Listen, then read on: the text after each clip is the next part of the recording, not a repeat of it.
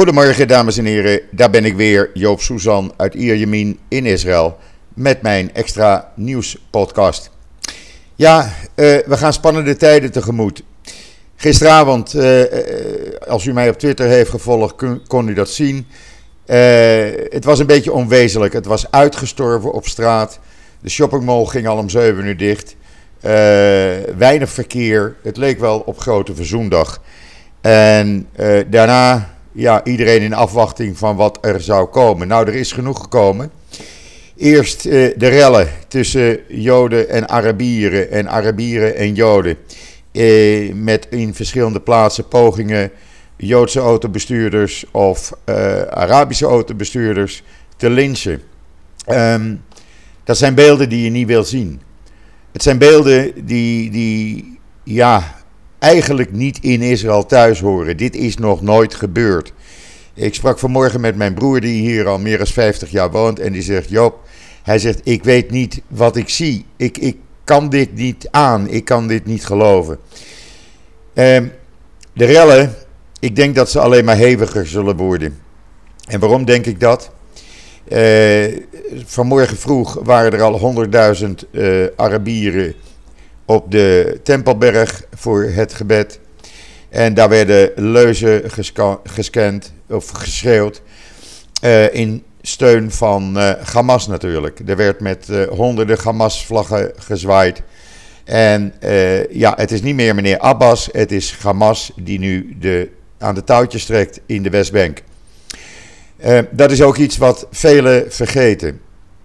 Het is zo dat juist het feit dat uh, Hamas nu de baas is op de Westbank. Uh, Abbas heeft doen besluiten om de verkiezingen niet door te laten gaan. Onder het mom van ja, er worden misschien mensen in Oost-Jeruzalem het huis uitgezet. En de Palestijnen of de Arabieren in Oost-Jeruzalem mogen niet stemmen. Nou, dat is niet waar. Ik zie dat constant in de Nederlandse media ook. Het is een, uh, het is een verhaal wat een eigen leven is gaan leiden. Uh, die uitzettingen, ik verwacht niet dat het gaat gebeuren. Daar gaat het Hoge Rechtshof in juni over beslissen. Voorlopig is er nog niemand het huis uitgezet. Het wordt gebruikt door Abbas om de aandacht van zijn eigen problemen af te leiden. Ondertussen vallen de raketten bij bosjes op Israël. Afgelopen nacht zijn er 50, 60 raketten in barrages rond Tel Aviv of op Tel Aviv afgevuurd waarbij er een aantal in Petah Tikwa en Rishon en Sion zijn neergekomen. U kunt dat zien in mijn timeline en in het artikel op israelnieuws.nl. Ehm, dit kan niet zo langer doorgaan. De, de plaatsen in een straal van 40 kilometer rond Gaza, die liggen al dagenlang onder een constant spervuur van raketten. Uh, de IDF heeft dan uh, ook nu besloten om Gaza in te trekken.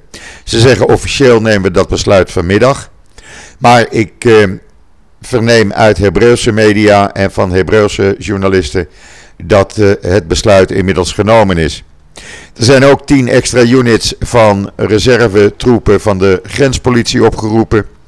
De verwachting is dat er duizenden, zo niet tienduizenden uh, reservisten van het leger zullen worden opgeroepen. Er staan honderden tanks klaar om Gaza binnen te gaan. Artillerie staat klaar. Uh, ja, dat wordt een groot offensief. Ben ik daar voorstander van? Nee. Net zoals de meeste Israëli's daar geen voorstander van zijn. Waarom niet? Omdat je niet, zoals ik net op Twitter schreef, wil zien dat uh, er weer uh, IDF-soldaten worden gedood zwaar gewond voor het leven of eh, in uitzonderlijke gevallen zelfs gevangen worden genomen, zoals we in het verleden hebben gezien. Dan herhaalt het spel zich weer opnieuw. En de meerderheid van de Israëlische bevolking zit hier niet op te wachten. Wat dan? Ja, dat is een moeilijk verhaal. Ik heb dat gisteren in de nieuwe podcastserie Israël onder vuur met Esther Voet van het NIW al proberen uit te leggen. Ik zal het hier eh, nog een keertje proberen uit te leggen.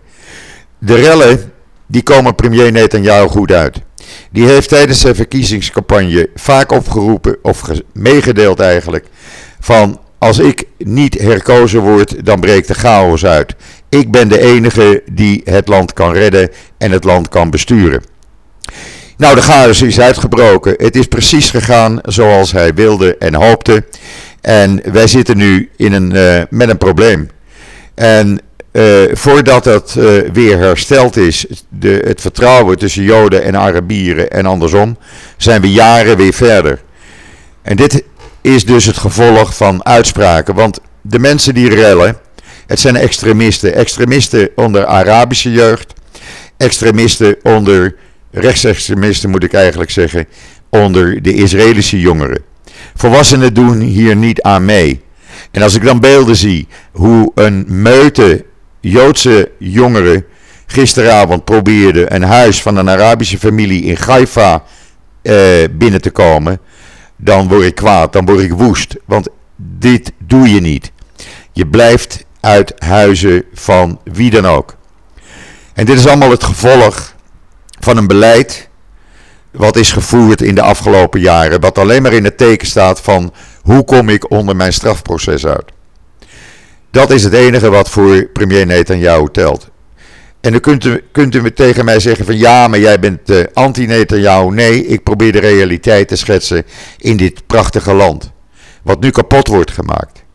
En dat doet pijn. Dat zijn beelden die niemand wil zien. En ja, hoe verder? Ik weet het niet.